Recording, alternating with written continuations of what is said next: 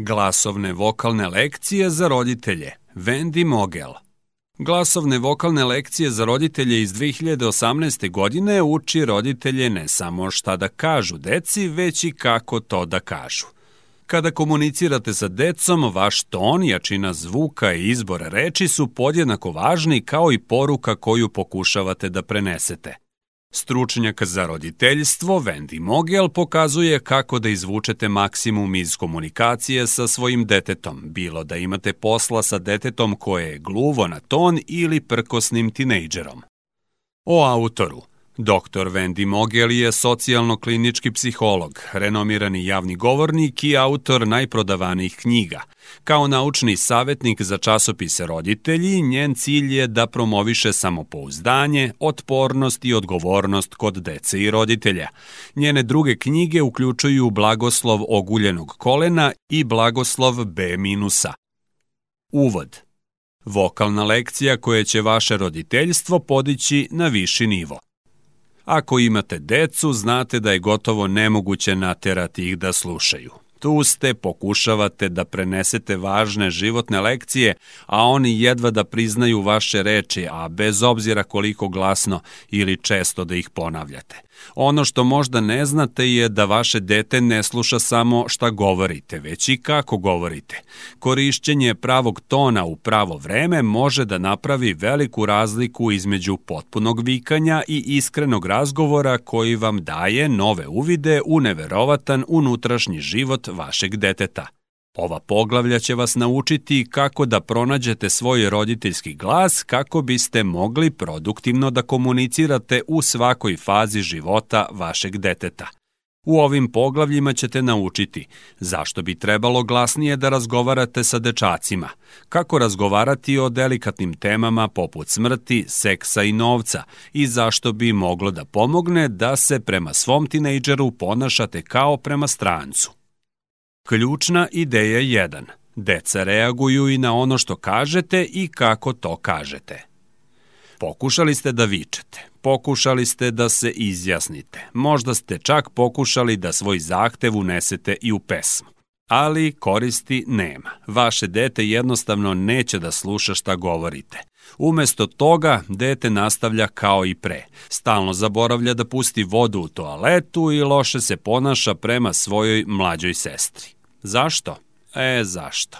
To je zato što vaše dete ne reaguje na ono što govorite. Dete takođe reaguje i na jačinu, visinu, ton i izbor reči. Kao i većina roditelja, vaš glas se menja kada razgovarate sa decom. Možda ćete da zvučite tužno, očajno ili ogorčeno. Čak i mala deca mogu da osete tu slabost u vašem glasu i shvate to kao poziv da vas ignorišu ili izazovu. Dobra vest je da čak i malo treninga glasa može da napravi veliku razliku u vašem odnosu sa detetom. Ali pre nego što pređemo na to, hajde da razmotrimo nekoliko osnovnih veština koje ćete morati da vežbate. Prvo, ovo je veština broj 1 koju ćete morati da kultivišete, a zove se strpljenje. Da, vaše dete će vam pričati iste priče iznova i iznova i da, morat ćete i vi da ponavljate istu priču.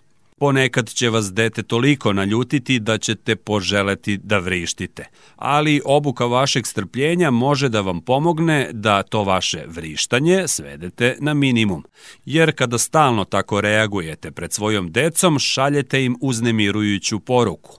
Recite, ne mogu da se nosim sa tobom kada se ponašaš kao dete. Jednostavne tehnike svesnosti mogu da vam pomognu da ostanete hladni ili se barem pretvarajte da jeste. Ako pričate i počnete da osjećate kako napetost raste, napravite pauzu. Duboko udahnite i opustite lice i ramena. Smanjite visinu glasa i usporite govor. Vaša smirenost će pokazati da možete da kontrolišete svoje osjećanja, čime ćete dobiti i veći autoritet.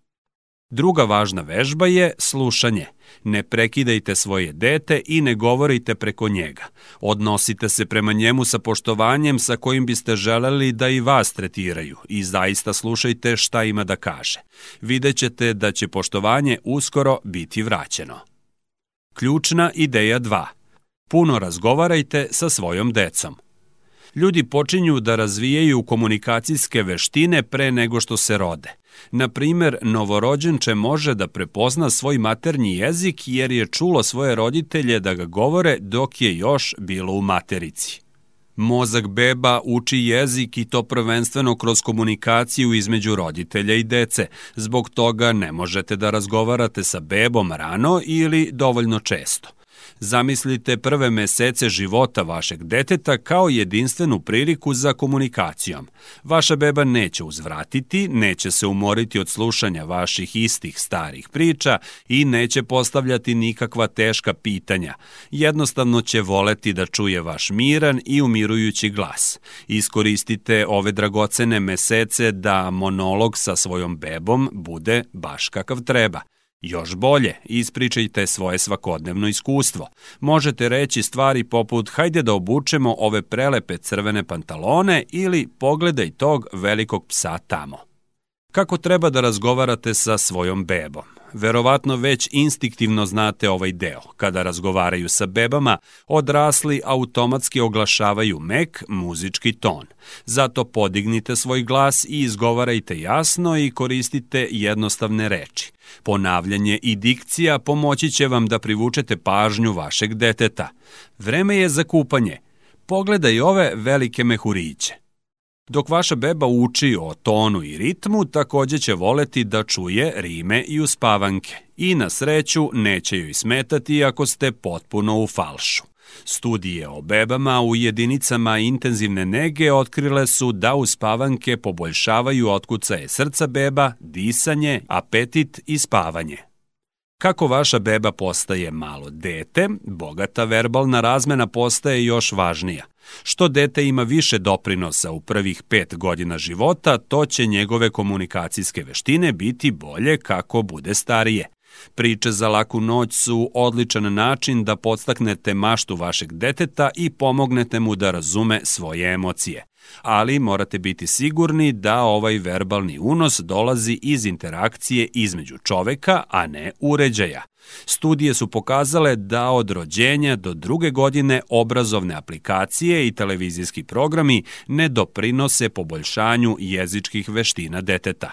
U stvari, kad smo već kod toga, možda biste želeli da pogledate svoj odnos prema uređajima. Telefoni su ubice komunikacije. Kada vas ometa upozorenje, propuštate pokušaj vašeg deteta da stupi u interakciju sa vama. Ako ograničite koliko često želite da koristite telefon pred detetom, nećete samo ostati povezaniji, takođe ćete stvoriti i dobru naviku za kasnije. Ključna ideja 3. Kada razgovarate sa svojim malim detetom, budite direktni i konkretni i pokažite iskreno interesovanje. Posebna je radost gledati kada vaša deca uče da govore. I dok vaše dete uči da formira rečenice, verovatno ćete se mnogo smejati. Ali čim vaše dete shvati više, takođe ćete otkriti da razvijate čudan roditeljski poriv, želju da komunicirate sa njima upozoravajući ih i podsjećajući ih. I ne tako suptilno, sugerišući pravu stvar.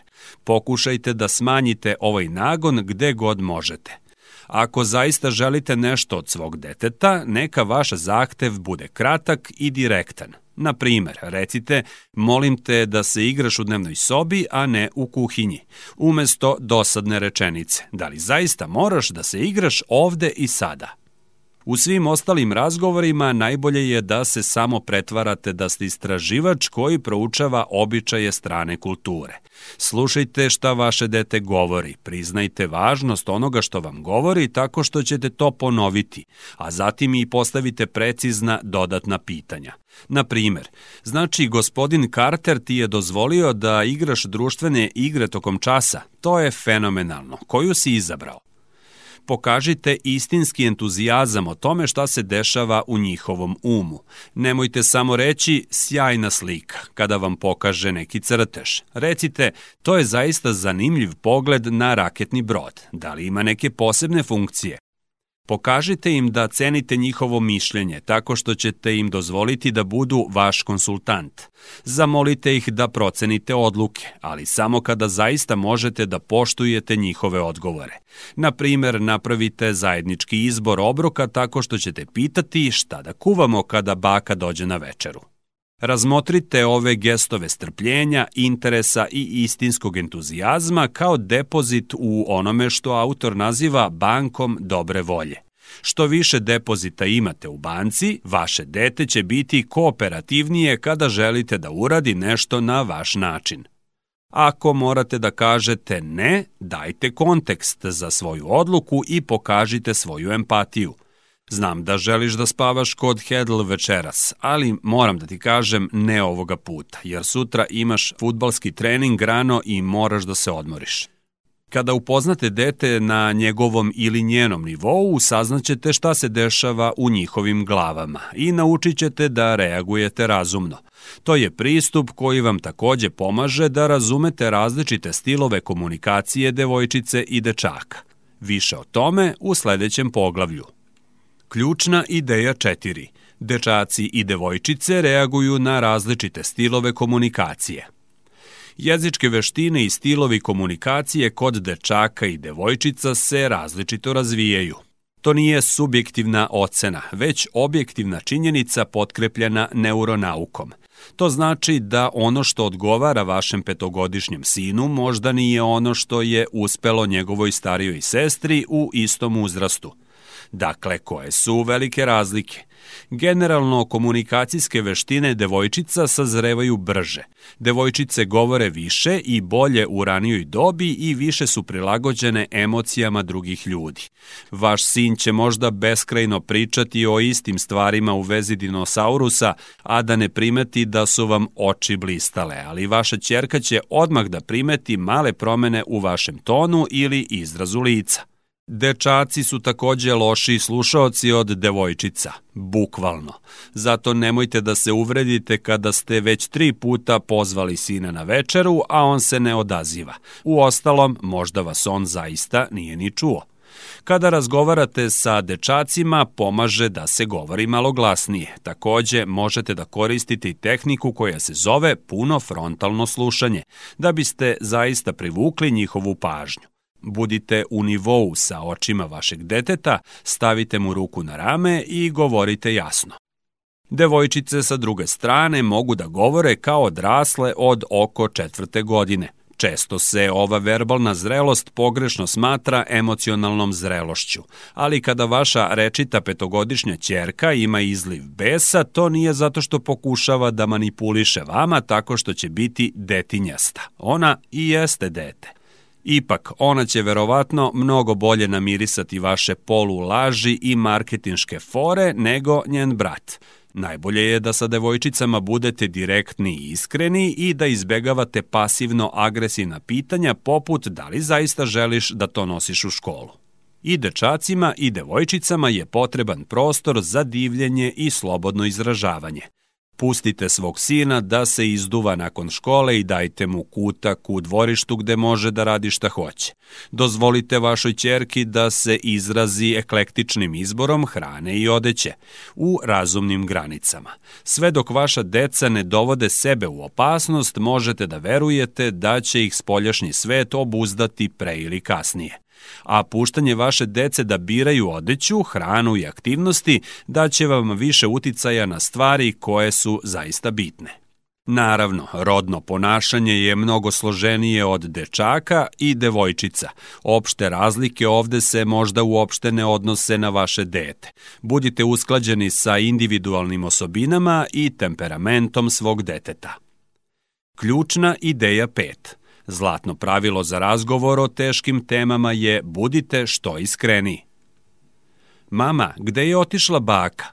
Zašto nemamo veliku kuću kao što ima Joshuina porodica? Odakle dolaze bebe? Ne tako davno većina roditelja je na teška pitanja dece odgovarala nejasnim frazama ili otvorenim lažima poput roda donosi bebe. Danas roditelji znaju da laganje ili izmišljanje izgovora lišava decu kritičkog znanja, ali roditelji se takođe plaše da kažu pogrešnu stvar. Dakle, kako razgovarati sa umovima u razvoju o teškim temama? Pre svega shvatite da ne morate da imate savršen odgovor. Mnogo toga se sastoji od razgovora, ali verovatno neće biti samo jednog trenutka kada vas dete pita o seksu i odakle bebe dolaze. Biće ih mnogo, tokom mnogo godina. Imaćete mnogo prilika da preispitate i obrazložite svoje odgovore kako vaše dete bude starije. Zatim pažljivo slušajte šta vaše dete zapravo pita, a zatim dajte odgovore koji su iskreni, konkretni i direktni. Objašnjenje seksa koje funkcioniše za šestogodišnjeg dečaka neće zadovoljiti i 11-godišnju devojčicu, ali u oba slučaja koristite prave termine.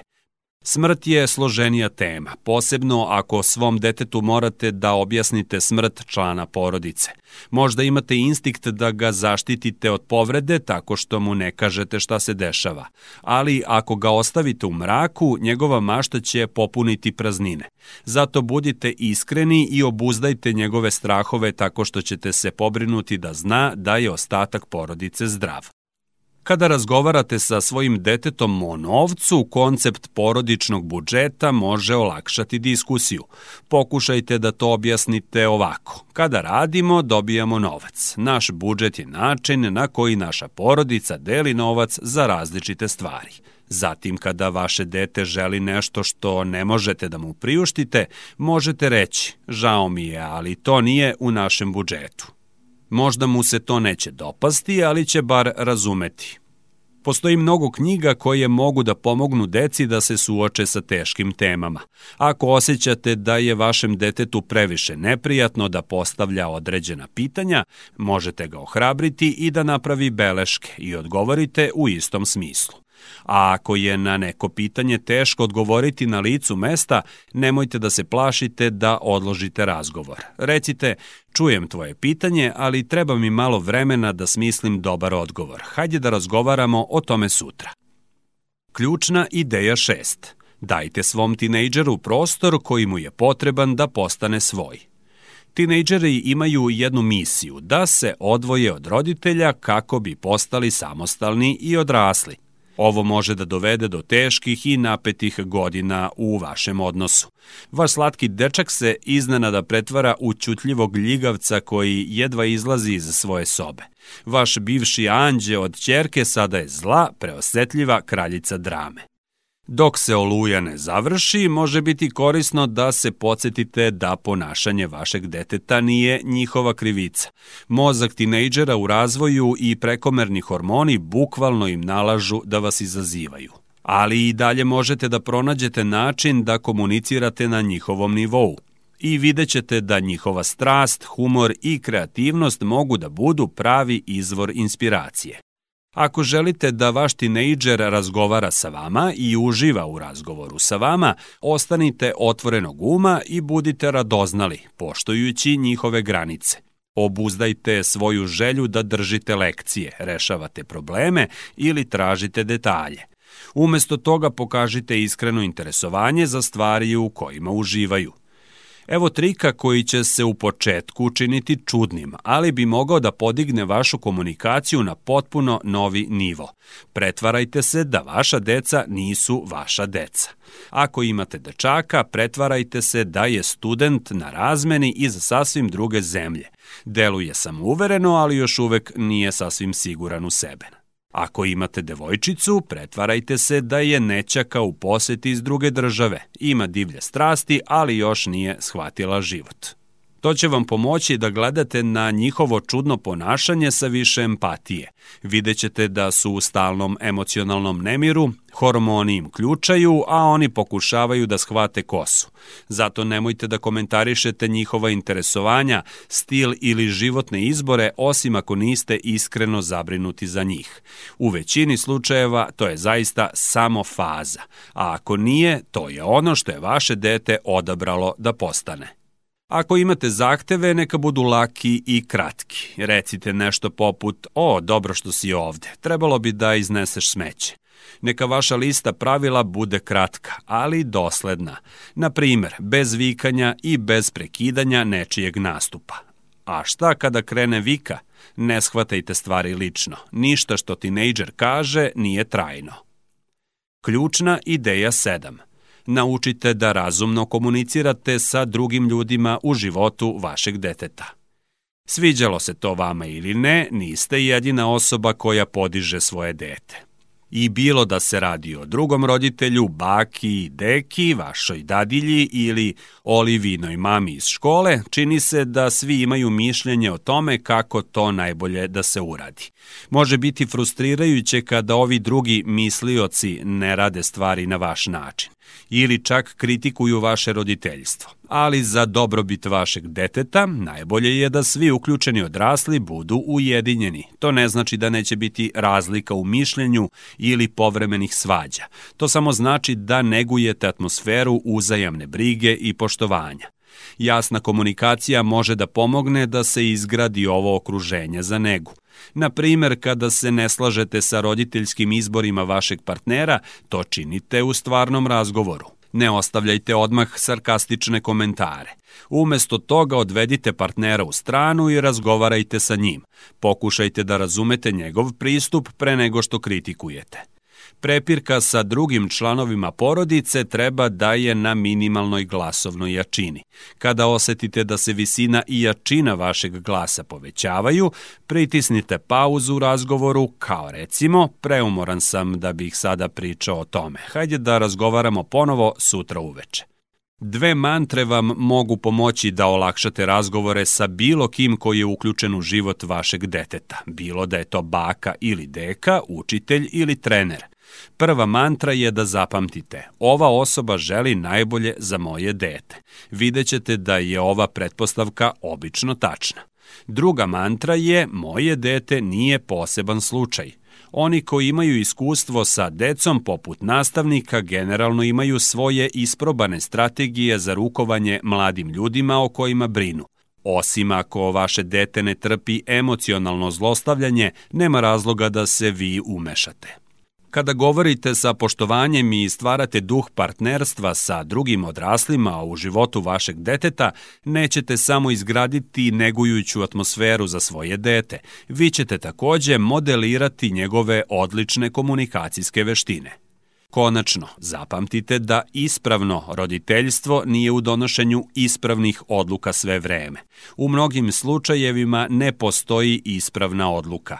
Dobro roditeljstvo je pomoć detetu da izraste u zdravu, srećnu, samodovoljnu, ljubaznu i brižnu odraslu osobu. Dobra komunikacija je ono što će vam pomoći na putu do tamo. Konačni rezime. Ključna poruka u ovim poglavljima – Deca ne čuju samo šta kažete. Ona su takođe osetljiva i na vaš ton, jačinu zvuka i izbor reči. Učenje da kontrolišete svoj glas može vam pomoći da efikasnije komunicirate sa svojim detetom. Ključ za zapovednički autoritet i poštovanje je da govorite mirnim glasom, koristite jasan i direktan jezik i da dobro slušate. Kada svom detetu date slobodu da se izrazi i pokažete iskreno interesovanje za njihove misli i osjećanja, bit ćete nagrađeni dubljim odnosom i bit će manje trenutaka sukoba. I evo nekoliko praktičnih saveta koje takođe možete da koristite. Obrazujte svoju decu o tome kako da koriste tehnologiju. Digitalne tehnologije imaju ogroman uticaj na decu. Za mnoge devojčice pritisci društvenih medija dovode do nezdrave slike o sebi. Za dečake igranje igrica se može pretvoriti u iscrpljujuću obsesiju. Svoji deci možete da pomognete da se snađu u privlačenju moderne tehnologije na tri načina. Prvo, uspostavite jasna porodična pravila, kao što je nema telefona za stolom tokom večere. Drugo, naučite ih o efektima koje tehnologija može imati na njihov mozak u razvoju. I treće, pomozite im da shvate nezdravo očekivanja koja postavljaju društveni mediji kako bi mogli da razviju otpornost.